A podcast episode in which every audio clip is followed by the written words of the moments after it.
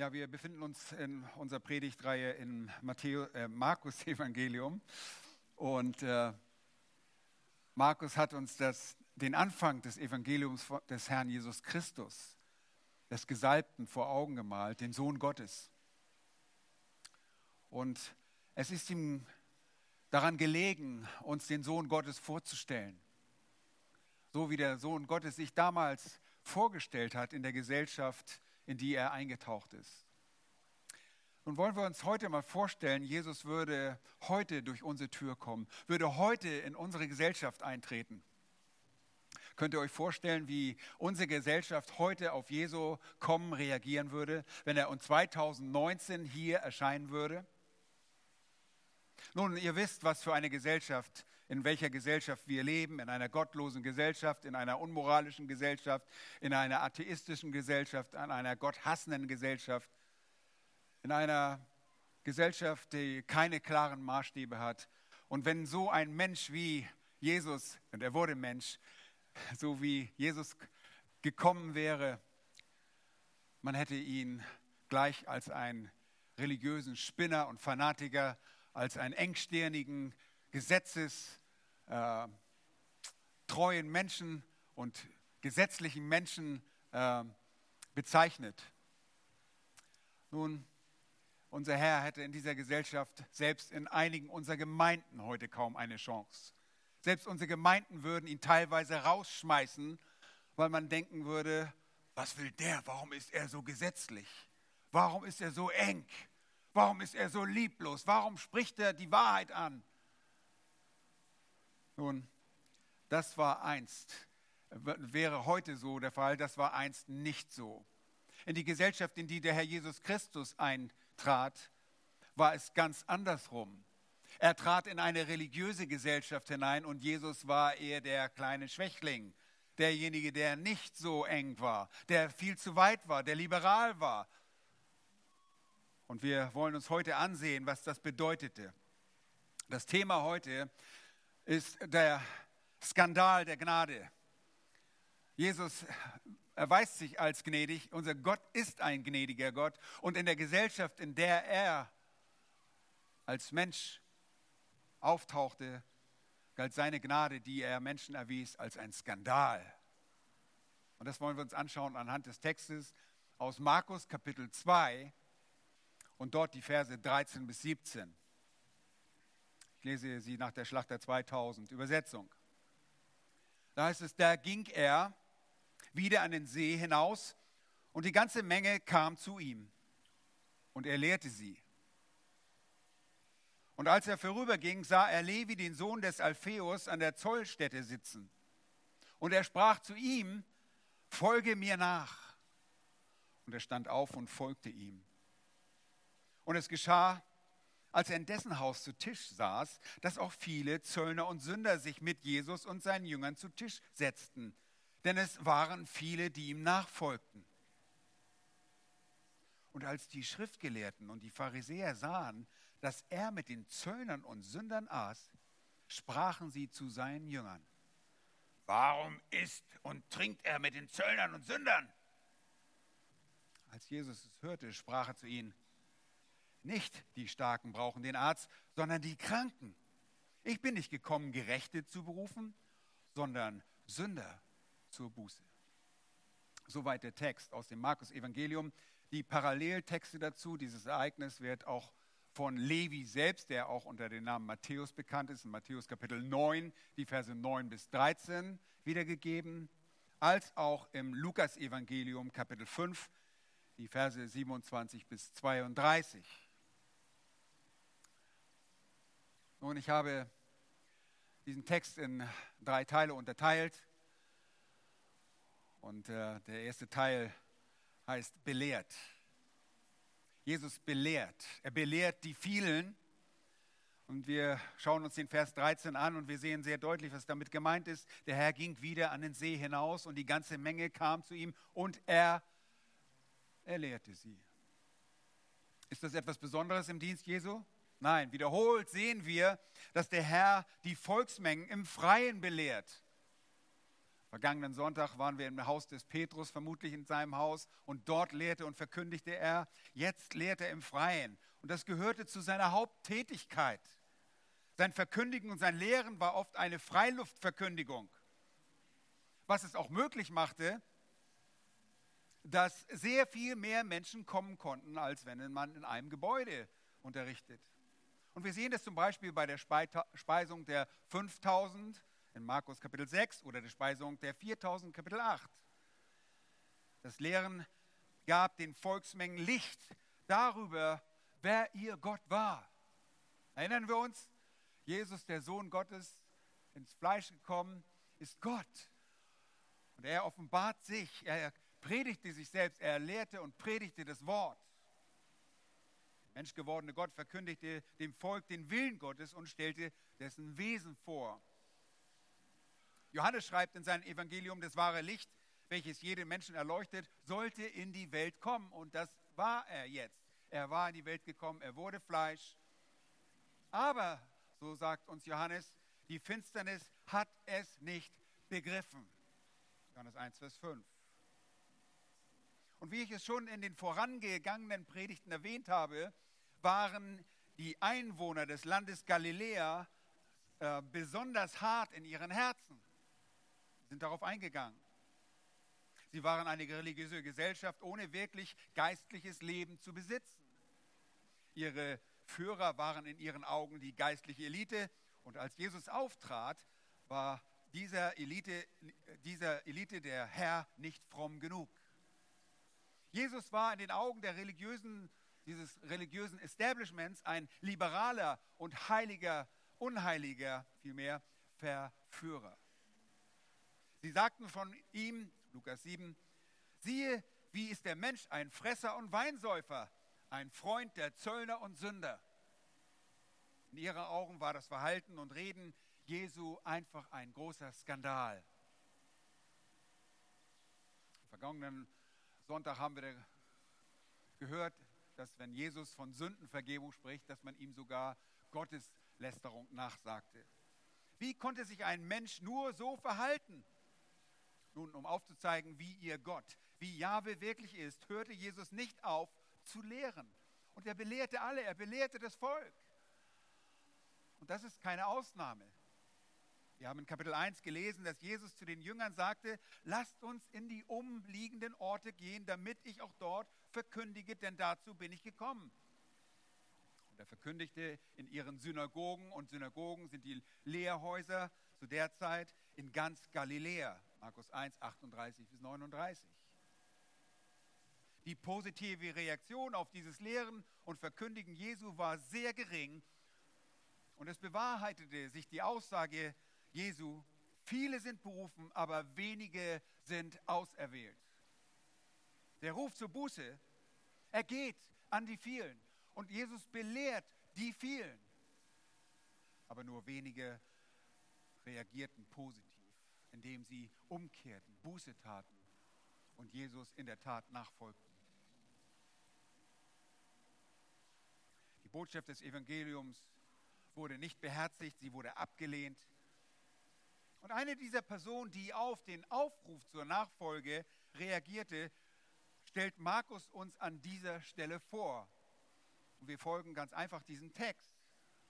Hier ist jemand, der von dem Herrn selbst beehrt wird und beehrt bedeutet durch seinen Besuch. Er wird beehrt durch seinen Besuch am Zollhaus. Und dann bekehrt er sich. Nun, lasst uns diesen Text anschauen. Da heißt es in 14, 15 und Vers 17 lese ich. Und als er vorüberging, das ist Jesus, sah er Levi, den Sohn des Alpheus, an der Zollstätte sitzen. Und er sprach zu ihm, folge mir nach. Und er stand auf und folgte ihm nach. Und es geschah, als er in dessen Haus zu Tisch saß, dass auch viele Zöllner und Sünder sich mit Jesus und seinen Jüngern zu Tisch setzten, denn es waren viele, die ihm nachfolgten.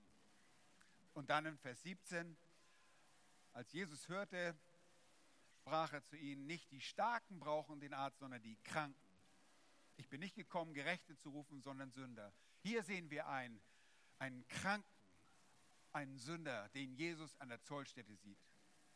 Nun, wer war dieser Levi, den er dort begegnet? Nun, wir wissen nicht so sehr viel über seinen Charakter oder über seine Herkunft, außer dass er ein Sohn des Alpheus war, dessen Name auch Matthäus war. Wir haben in der Jüngerschaft Jesu auch einen Jakobus, der ein Sohn des Alpheus war, aber niemand nimmt an, dass diese beiden Männer Brüder waren, denn das war in vielen Fällen dann auch, wird in diesen vielen Fällen dann auch von der Schrift erwähnt, wenn sie denn Brüder gewesen wären. Aber Alpheus war ein gewöhnlicher Name. Über Levi selbst wissen wir also auch nicht sehr viel. Dieser Name war einfach und geläufig. Nach dem dritten Stamm, nach dem levitischen Stamm Israels. Höchstwahrscheinlich war er war keiner der zwölf Jünger mehr als Sünder verschrien als dieser Mann Levi. Wir sehen bei einem genauen Studium seiner Person die Wende vom Begehren, etwas zu besitzen, zu einer Einstellung der demütigen Bescheidenheit. Dieser Levi, und nun wissen wir doch eine ganze Menge, schreibt ein eigenes Evangelium, das Matthäus-Evangelium. In seinem Evangelium, das er schreibt, gibt er uns einen umfassenden Bericht über das Leben und Wirken unseres Herrn Jesus Christus, aber er erwähnt seine Person nur an zwei Stellen. Er tritt dabei komplett selbst in den Hintergrund. Das erste Mal wird sein Name erwähnt bei der Berufung und das zweite Mal bei der Auflistung aller zwölf Apostel. Das war's. Er schreibt nichts über sich selbst. Und als Jesus ihn beruft, so lesen wir hier im Text, war Levi ein Steuereintreiber und ein Zöllner. Und es, Zöllner sind ganz normale Leute. Ich war letzte Woche auch beim Zoll. Äh, saß dort im Zollbüro, sollte was zahlen, brauchte nicht zahlen, letztendlich sind tolle Leute. Aber nicht so hier. Mit diesem Beruf hatte man ganz sicher keinen guten Ruf. Im Gegenteil, das war mit sicherlich nicht etwas, was für ihn sprach. Als ein Apostel Christi würde man vermutlich einen ganz anderen Hintergrund vermuten und erwarten. Er sollte schließlich zu einem der größten Führer und der Gemeinde und Prediger des Evangeliums werden und er selbst schreibt sogar ein eigenes Evangelium. Lieben Zöllner waren sogar die unbeliebtesten aller Menschen. Ja, geradezu Geächtete in Israel. Sie wurden von der ganzen jüdischen Gesellschaft regelrecht gehasst. Sie waren sogar noch verhasster als die sogenannten Herodianer. Das sind die Juden, die der idumäischen Dynastie Herodes gegenüber loyal waren, dem König Herodes gegenüber loyal waren. Die waren auch nicht sehr beliebt. Aber die Zöllner waren noch verhasster. Solche Leute wurden sogar verspottet. Man machte Witze über sie. Mehr als die zurzeit gegenwärtigen, allgegenwärtigen, muss man fast sagen, römischen Besatzer. Zöllner hatten vom römischen Kaiser eine Lizenz zur Steuereintreibung erworben und nahmen ihren eigenen Land Landsleuten das Geld aus der Tasche, um die römische Reichskasse zum einen und ihre Eigentaschen zu füllen. Bei den Zöllnern ging es um Krötenwanderung. Vielleicht erinnert ihr euch einige von euch. Äh, damals, als Gerhard Schröder Kanzler war, brachte man einen Steuersong raus. Äh, und da hieß es, glaube ich, deine Kröten wandern in, in seine Tasche oder so ähnlich. Ja? Also die Kröten, es geht um Krötenwanderung. Die Zöllner nahmen ihren eigenen Landsleuten das Geld aus der Tasche. Viele Zöllner waren einfach nur wirklich absolut widerliche, gemeine, charakterlose Schurken. Hier lesen wir von der Berufung Levis. Ja, der auch Matthäus und als Matthäus auch besser bekannt ist. In Matthäus 9, Vers 9 berichtet er selbst von seiner Berufung. Und das ist der einzige Einblick oder Blick, den er uns, Matthäus, in seinem Evangelium von sich gewährt. Er schreibt aus eigener Hand. Unser Text sagt hier in Vers 14, und als er vorüberging, sah er Levi. Der Herr sieht ihn. Müsst ihr vorstellen, hier ist der Schöpfer der Welt, er wird, er wird Mensch und er gibt sich, beehrt diesen Mann an seiner Zollstätte. Das ist ein Hammer, oder? Ah, es gibt so viele andere Millionen Menschen, aber er geht zu diesem Mann an seine Zollstätte, an sein kleines Zollhaus. Da, wo er den anderen die Kröten abknöpft, dort kommt der Herr hin. Und er sprach zu ihm, komm, folg mir nach. Und der Typ steht sogar auf und folgt ihm. Nun, der jüdische Talmud lehrte, dass es sogar rechtmäßig sei, einen Zöllner zu belügen oder ihn sogar zu betrügen. Denn genau das verdiente so ein professioneller Betrüger. Offenbar sollten Zöllner eine gewisse Summe für die römische äh, Regierung eintreiben. Da aber zwischen dem römischen Kaiser und den einzelnen Zöllnern eine stillschweigende Vereinbarung bestand, konnte der Zöllner genauso auch höhere Gebührensätze und zusätzliche Steuern veranschlagen, ohne dass jemand davon wusste. Darüber hinaus war es ihm gestattet, einen bestimmten Betrag natürlich auch für sich selbst einzustecken. Nun, es gab zwei Arten von Zöllnern, die mich das äh, Matthäus-Evangelium haben predigen hören äh, oder anfangen haben hören zu predigen. Die wissen das. Äh, es gab zwei Arten von Zöllnern, einmal die Gabbai und die Mokes. Die Gabbai waren allgemeine Steuereintreiber. Sie nahmen Besitz- und Einkommens- und Kopfsteuer ein. Und diese Steuern waren von offizieller Seite einfach festgesetzt. Ja? Ich habe einfach eigentlich keine Bedenken, wenn ich heute zum Zollamt gehe in Marzahn und da sitze, dann weiß ich nicht, die werden mir wahrscheinlich nicht übers Ohr hauen. Da gibt es bestimmte Steuersätze und das werde ich bezahlen. Alles gut.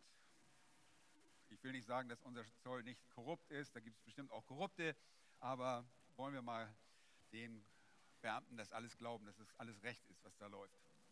Also, diese Steuern waren festgesetzt und so, dass es dabei auch sehr wenig Spielraum gab für den jeweiligen Steuereintreiber. Für Gewinn war also kaum Platz. Die Mokes hingegen kassierten Abgaben beim Import und beim Export von Waren, die für den Binnenhandel bestimmt waren und auch für praktisch alles, was auf der Straße transportiert wurde. Nun, ich sage erstmal laut, das war die erste Maut. Ja? Maut ist tatsächlich ein aus dem althochdeutschen Muta abgeleiteter Begriff für eine Zollabgabe und zwar im Sinne eines Wegzolls. Ja? Solche Wegegelder äh, wurden auch von diesen jüdischen Steuereintreibern erhoben. Und sie nahmen für alles Mögliche Zoll. Ja, sie nahmen Straßen, Zölle und Brückenzölle, besteuerten Lasttiere, äh, guckten nach den Achsen der Transportfahrzeuge, wurden die einzelnen Achsen wurden be bezollt und veranschlagten Tarife für Pakete und für Briefe. was immer sie noch finden konnten, wurde einfach bezollt oder versteu musste versteuert werden. Glaub mir, ihre Geldgier machte sie für alle möglichen Dinge erfinderisch. Ja, wenn einer mit Stiefeln ankam und hohe Stiefel anhat, der musste für hohe Stiefel was zahlen und kann ich mir vorstellen. Ist nur meine Idee. Ich wäre bestimmt auch ein guter Eintreiber gewesen. Nun, die Festsetzung dieser Tarife geschah oft deshalb bei, den, bei diesen äh, Mokes einfach völlig willkürlich und war abhängig von ihrer Laune. Wenn du einen schlechten Tag gehabt hast, dann musstest du ganz schön blechen und würdest du viele Kröten los. Nun, die Mokis selbst, die konnte man nochmal in zwei Kategorien unterteilen. Da gab es große Mokis und da gab es kleine Mokis.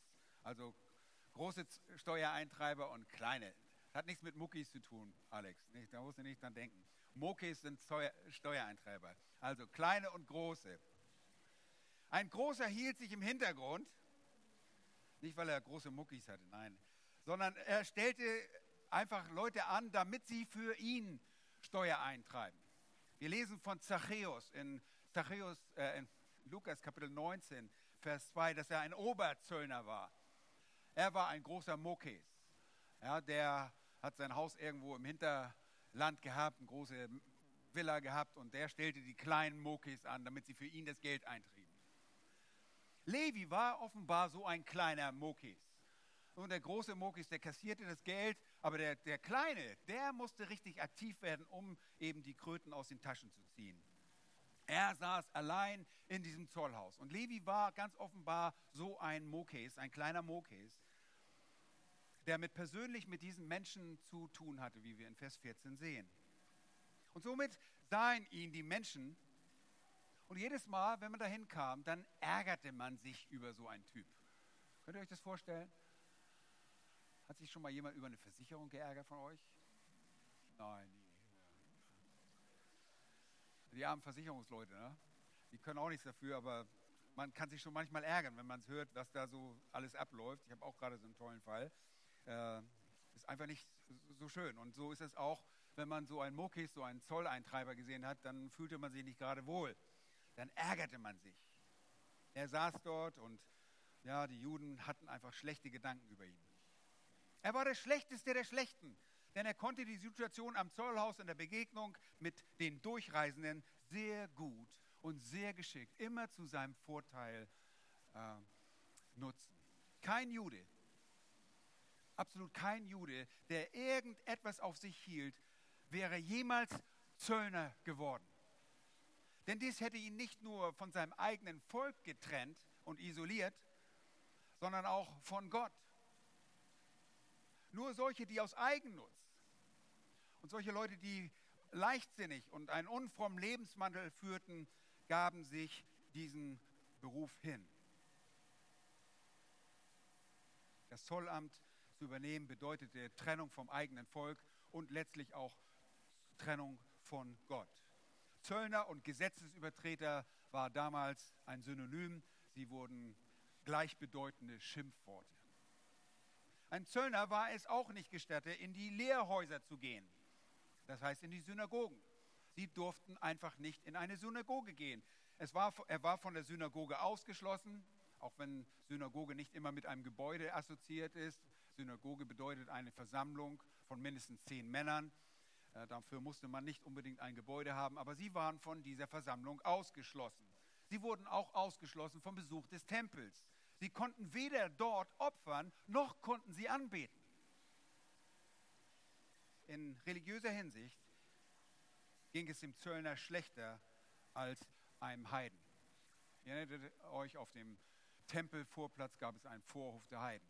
Da konnten Heiden, da durfte ein Zöllner keinen Raum einnehmen.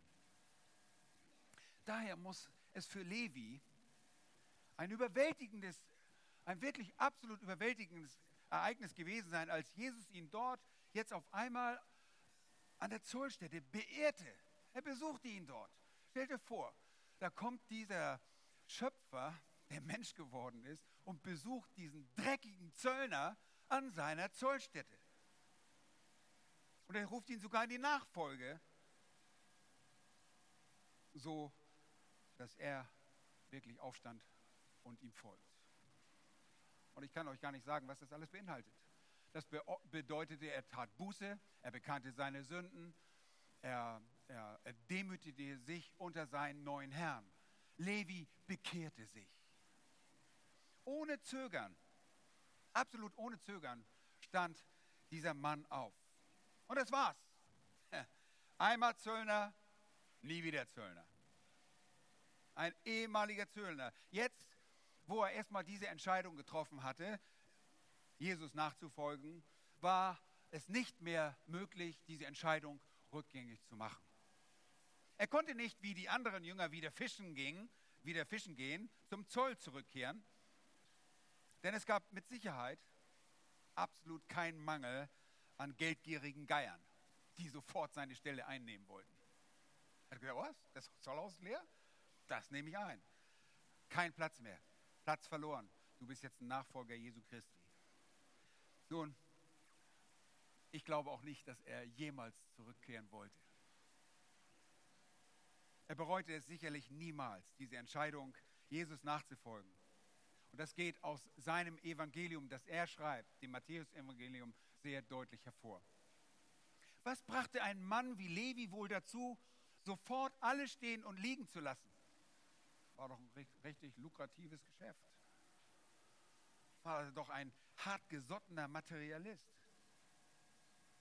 Zumindest muss er das irgendwann einmal gewesen sein, denn ansonsten wäre er nie in eine solche Position gekommen. Weshalb ließ er also alles hinter sich und folgte Jesus nach, ohne zu wissen, was die Zukunft bringen würde. Und wir können zwei Seiten betrachten. Die eine Seite ist natürlich, ja, Gott ruft ihn, Gott, der Herr, der Sohn Gottes, Jesus Christus ruft ihn und es war ein unwiderstehlicher Ruf des Herrn.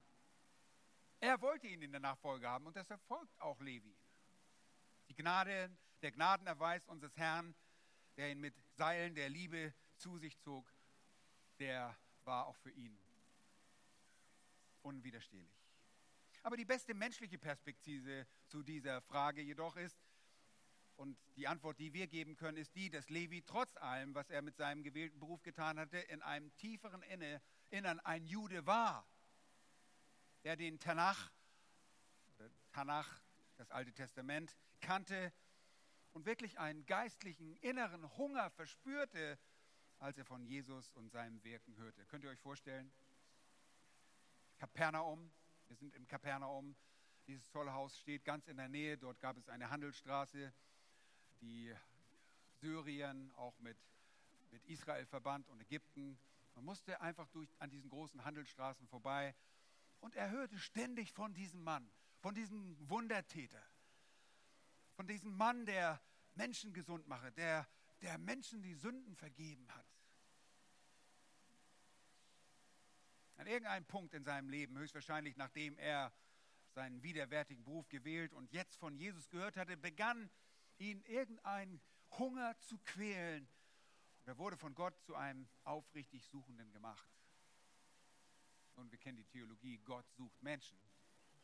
Und es gibt keinen, der nach Gott fragt, aber Gott zieht ihn. Und so wird er zu einem aufrichtig Suchenden. Natürlich zu Gott.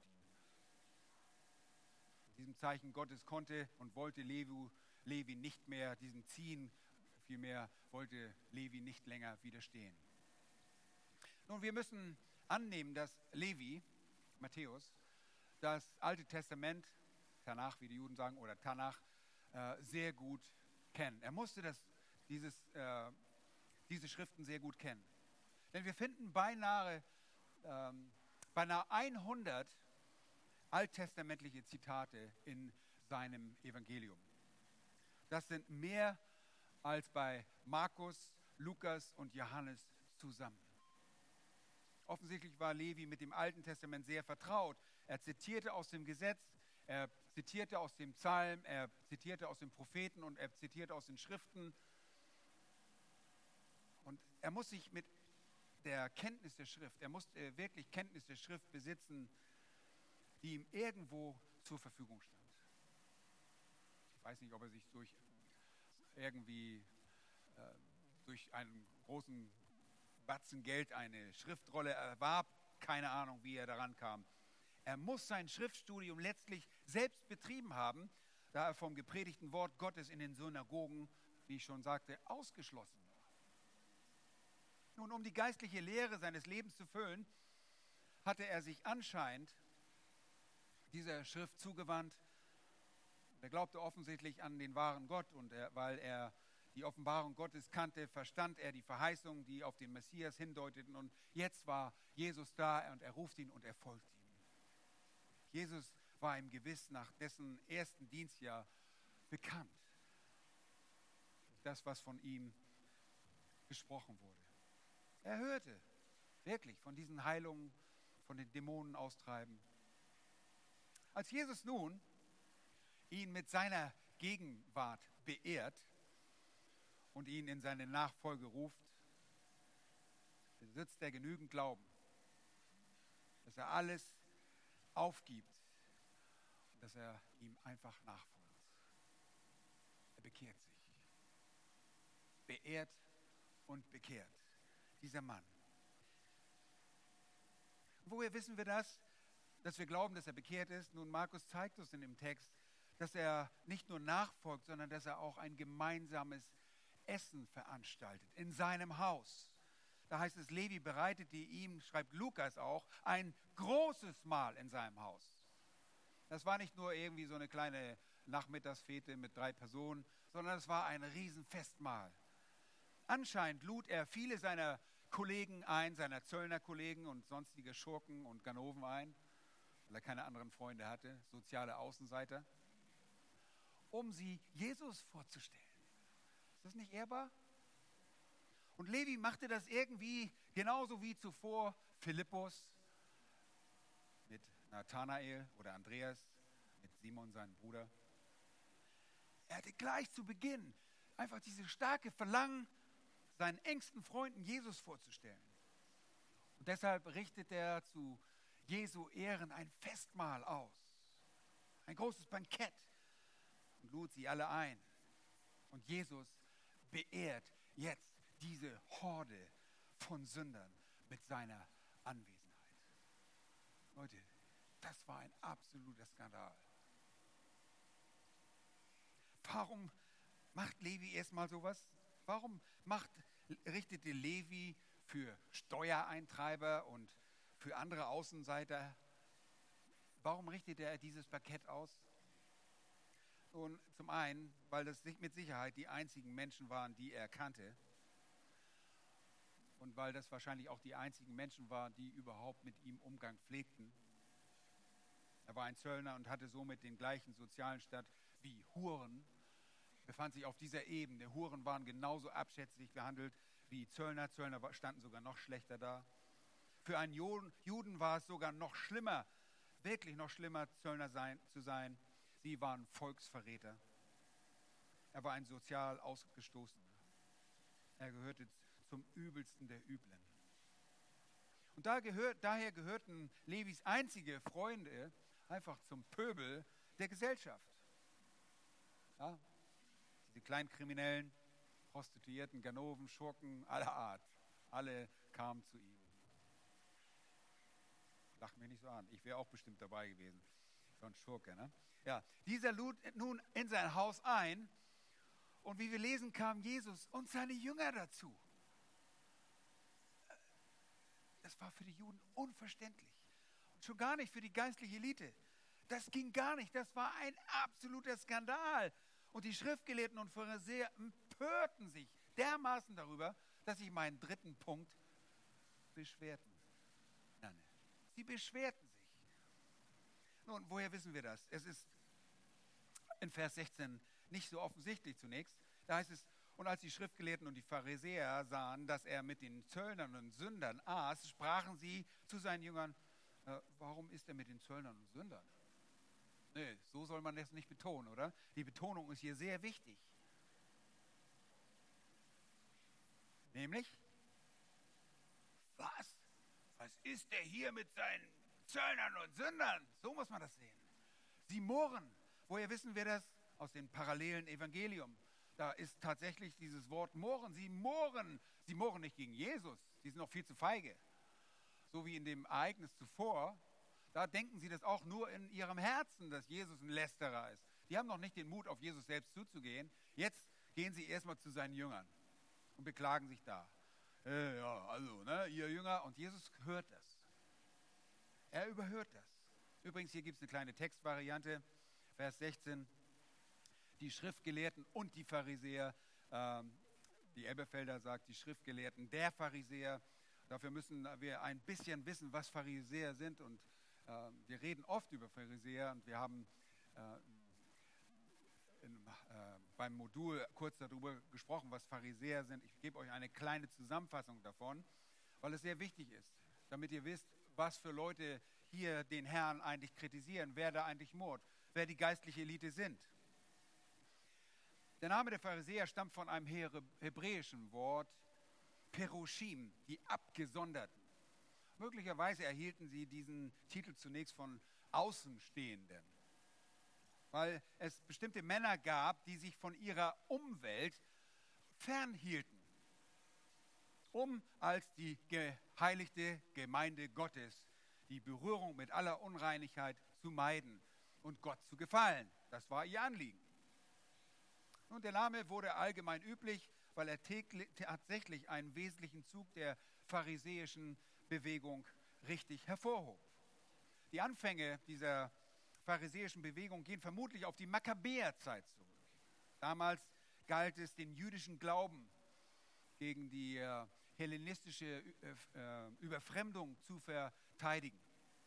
Im ersten Makkabäerbuch, und keine Angst, ich predige nicht das Buch der Makkabäer, aber wir wollen es zur, zur Unterstützung dieser Argumentation benutzen. 1. Makkabäerbuch, Kapitel 2, Vers 42, heißt es, eine Versammlung frommer Juden, tapferer Männer aus Israel, lauter solche, die sich willig dem Gesetz hingaben, werden dort erwähnt. Aus diesen Kreisen frommer Juden, die die makkabäische Erhebung getragen haben, sind die Pharisäer hervorgegangen, als, sie, als eine Gruppe gesetzestreuer Juden. Und ihnen waren nicht politische Ziele vor Augen, sondern der Eifer um das Gesetz. Sie wollten das Gesetz erfüllen, nachdem Israel sein Leben auch führen sollte. 1. Makkabäer 7, Vers 13. Pharisäer wenden sich von daher im Laufe der Geschichte auch von allen Gewaltmaßnahmen, allen gewalttätigen äh, Vorstößen zur Veränderung der politischen Verhältnisse ab. Sie lassen sich nicht darauf ein und suchen stattdessen sich immer durch ein frommes Leben, durch Gebet und Fasten auf eine zukünftige Wende, die kommen sollte durch den Messias, die Gott herbeibringen würde, einzustellen. Die Pharisäer schlossen sich dann zu festen Gemeinschaften zusammen, in denen sie die Gebote des Gesetzes genau befolgen konnten. Allen Mitgliedern der pharisäischen Gemeinschaft wurde es insbesondere zur Pflicht gemacht, die Vorschriften der Reinheitsgebote und der Gebote zur Verzehntung mit allergrößter Sorgfalt zu beachten. Nun, die alttestamentlichen Gebote, die die erforderliche priesterliche Reinheit beschrieben, sollten nicht nur von Priestern und Leviten, sondern auch während des Alltags von allen Pharisäern eingehalten werden. Und wer mit irgendetwas Unreinem in Verbindung kam, äh, so wie zum Beispiel mit einem Toten oder einem Tierkadaver oder einem körperlichen Ausfluss, der hatte damit die, seine Reinheit verloren und musste erstmal sie wieder gewinnen. Er musste also sich einem Reinigungsbad unterziehen und in bestimmten Fällen war eine bestimmte Wartefrist musste verstreichen, ehe er wieder als rein gelten konnte. Die Pharisäer wuschen sich daher vor jeder Mahlzeit die Hände. Tja, würde meine Tochter sagen, tolle Hygiene. Das ist wirklich gut. Nein, das steht hier nicht im Mittelpunkt. Das sagt uns Markus 3, das taten sie, um reine Hände zum Gebet erheben zu können und so das Mahl miteinander zu halten. Das war eine kultische Reinheit. Das, da ging es nicht um ihre Hygiene. Und sie schauten auch auf die Reinheit von Gefäßen und von Utensilien, die sie benutzten. War ein Becher oder eine Schüssel verunreinigt, so musste auch diese erste Reinigung unterzogen werden. Und da waren sie sehr penibel. Auch beim Gebot der Verzehntung, das hielten sie auch sehr akribisch ein. Um auf jeden Fall dem Buchstaben des Gesetzes gehorsam zu sein, gaben die Pharisäer nicht nur den Zehnten vom Ertrag ihres Landes, sondern auch von allem, was sie käuflich erwarben. Da ist eine ganze Menge Kröten los. Auch Gewürze und Kräuter ja, wurden Bestandteil dieser Verzehntung. Und sie übergingen nichts, was man unter dieses Gebot irgendwie bringen konnte. Und über diese Verpflichtung hinaus gab es auch freiwillige Dinge, die sie taten. Und da waren sie ganz besonders stolz drauf, nämlich das Fasten. Das taten sie jeweils montags und dienstags. Und der im Gleichnis genannte Pharisäer prahlt mit dem, was er wirklich tat. Ich meine, die haben wirklich gefastet trotzdem kein Grund zum Prahlen, aber da sagt er, ich faste zweimal in der Woche und gebe den Zehnten von allem, was ich erwerbe. Lukas 18, Vers 12. Nun, der Pharisäer fasst also alles, was in seinem Leben, was er erfährt und tut, so zusammen, dass er Gott dankt dafür und er äh, lässt es aber auch immer wieder nach außen sehen. Sie, sie beteten oft auch äh, sichtbar für andere ja, auf den Straßen und Gassen. Und zu diesen pharisäischen Gemeinschaften gehörten auch Priester. Vor allem waren sie es aber Laien und Handwerker, es waren Bauern, es waren Kaufleute, die nicht nur in der Stadt, sondern auch auf dem Land, in Judäa und ganz Galiläa lebten. Sie versammelten sich zu gemeinsamen Mahlzeiten, weil sie dann umso besser das Gebot der Reinheit einbehalten konnten. Nach Möglichkeit kaufte ein Pharisäer von einem anderen Pharisäer ein, weil er dann davon ausgehen konnte, dass ja der andere schon die Ware, die er kaufte, erworben hatte, äh, verzehntet hatte.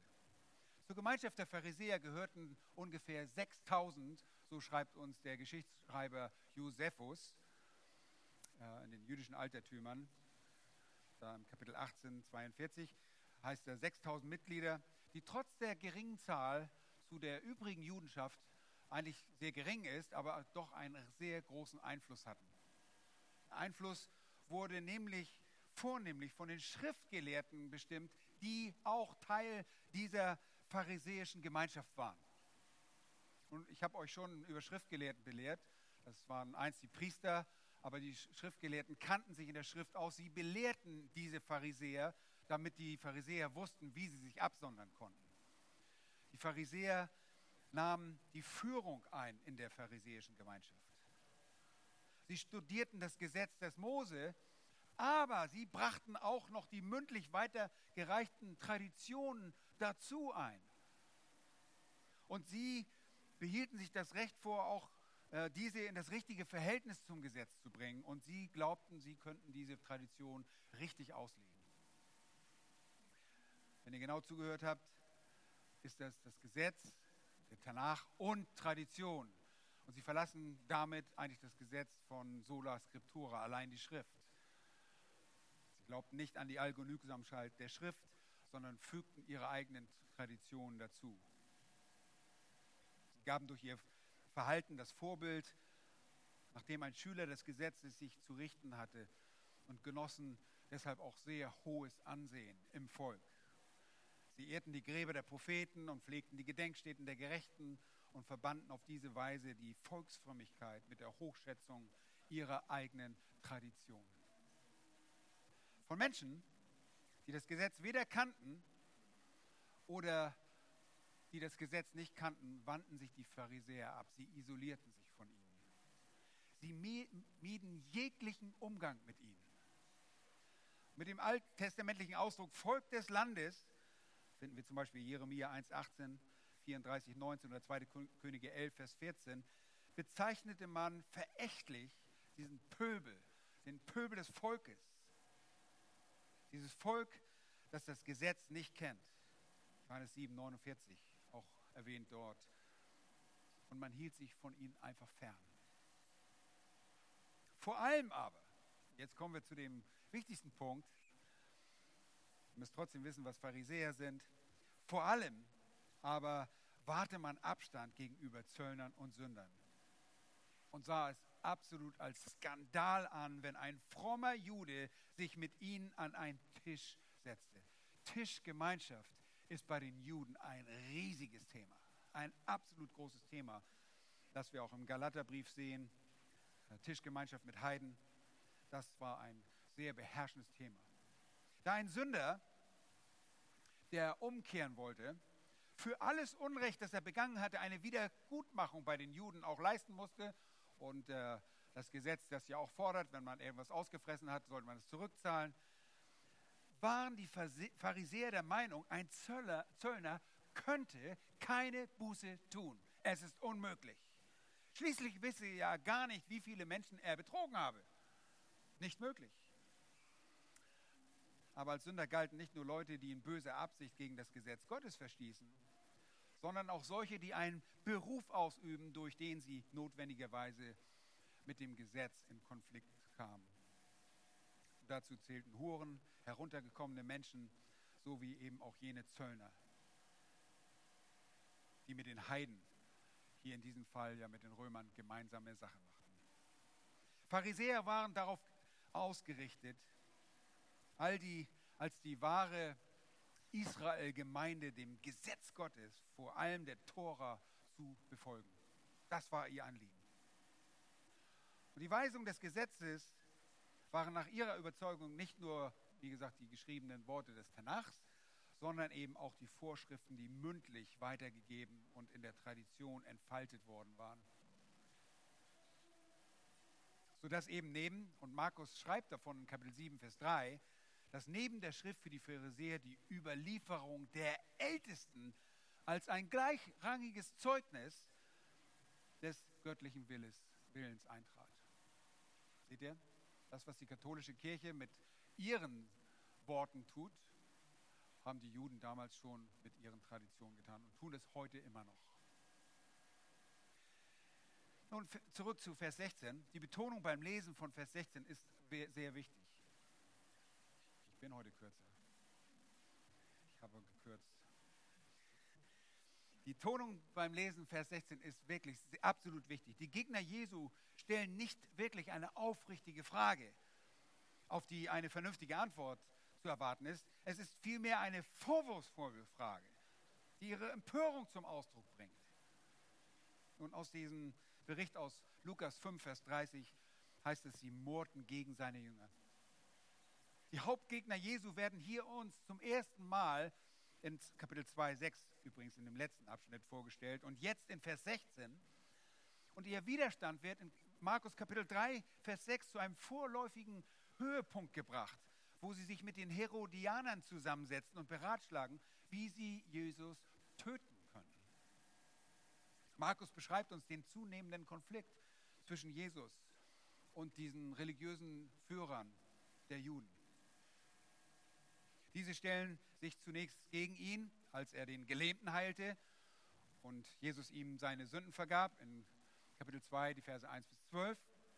Das haben wir beim letzten Sonntag uns angehört, dass sie ihn der Gotteslästerung beschuldigten.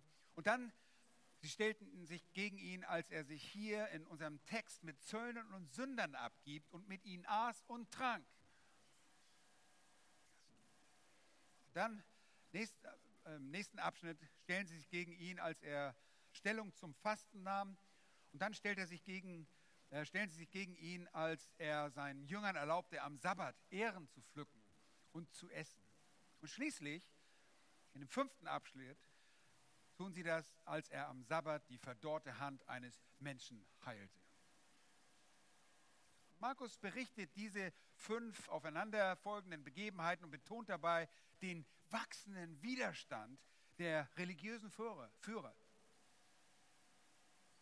Und Sie sehen darin die gotteslästerliche Handlung Jesu, die auch der historische Grund sein wird, warum sie ihn letztlich zu Tode preisgeben. Seht ihr, diesen Widerstand gebraucht Jesu, um seine Ziele zu erreichen. Jesus ist gekommen, um zu sterben. Trotz Widerstand. Diesen Widerstand nimmt er, um seine Ziele zu verwirklichen. Nun, sie beschweren sich sogleich bei wem? Ja, nochmals hier bei den Jüngern. Aber als Jesus das mitbekam, antwortete er ihnen, dass es die Kranken sind, die den Arzt benötigen. Er benutzt eine Analogie, die sehr deutlich veranschaulicht. Wer geht zum Arzt? Kranke gehen zum Arzt. Kranke brauchen einen Arzt. Wenn du immer noch glaubst, dass du gesund bist, wenn du geistlich gesund bist, wenn du meinst, dass du gerecht bist, wenn du heilig bist und Gott nicht brauchst, brauchst du keinen Retter. Und du bist im Irrtum, weil die Bibel sagt, wir sind alle Sünder und benötigen die Errettung. Aber du siehst dich nicht als Kranken, sondern du siehst dich als einen Gerechten und als einen Starken. Und als solcher wirst du in eine ewige Verdammnis gehen. Jesus sagt, er sei nicht gekommen, um Selbstgerechte zu rufen, sondern Bu Sünder zur Buße. Nun, einige Handschriften haben das Wort zur Buße nicht, aber das ist hier auch selbstverständlich verstanden. Wenn man jemanden ruft, dann ist es immer zur Buße. All diese Dinge sind hier abgelaufen, auch bei Levi. Wenn Levi ihm nachfolgt, dann nur, weil er Buße getan hat. Das überspringt Jesus nicht mit diesem Mann. Diesem Mann musste auch die Sünde vergeben werden. Wir sehen, dass er aus Dankbarkeit sogar sofort ein, ein Fest veranstaltete für seine Zöllner Kollegen und andere Ganoven. Nun, es gibt, mit anderen Worten, gab es nichts, was für die religiöse Elite, was, was Jesus für diese religiöse Elite tun konnte, solange diese an ihrem heuchlerischen Schein festhielten.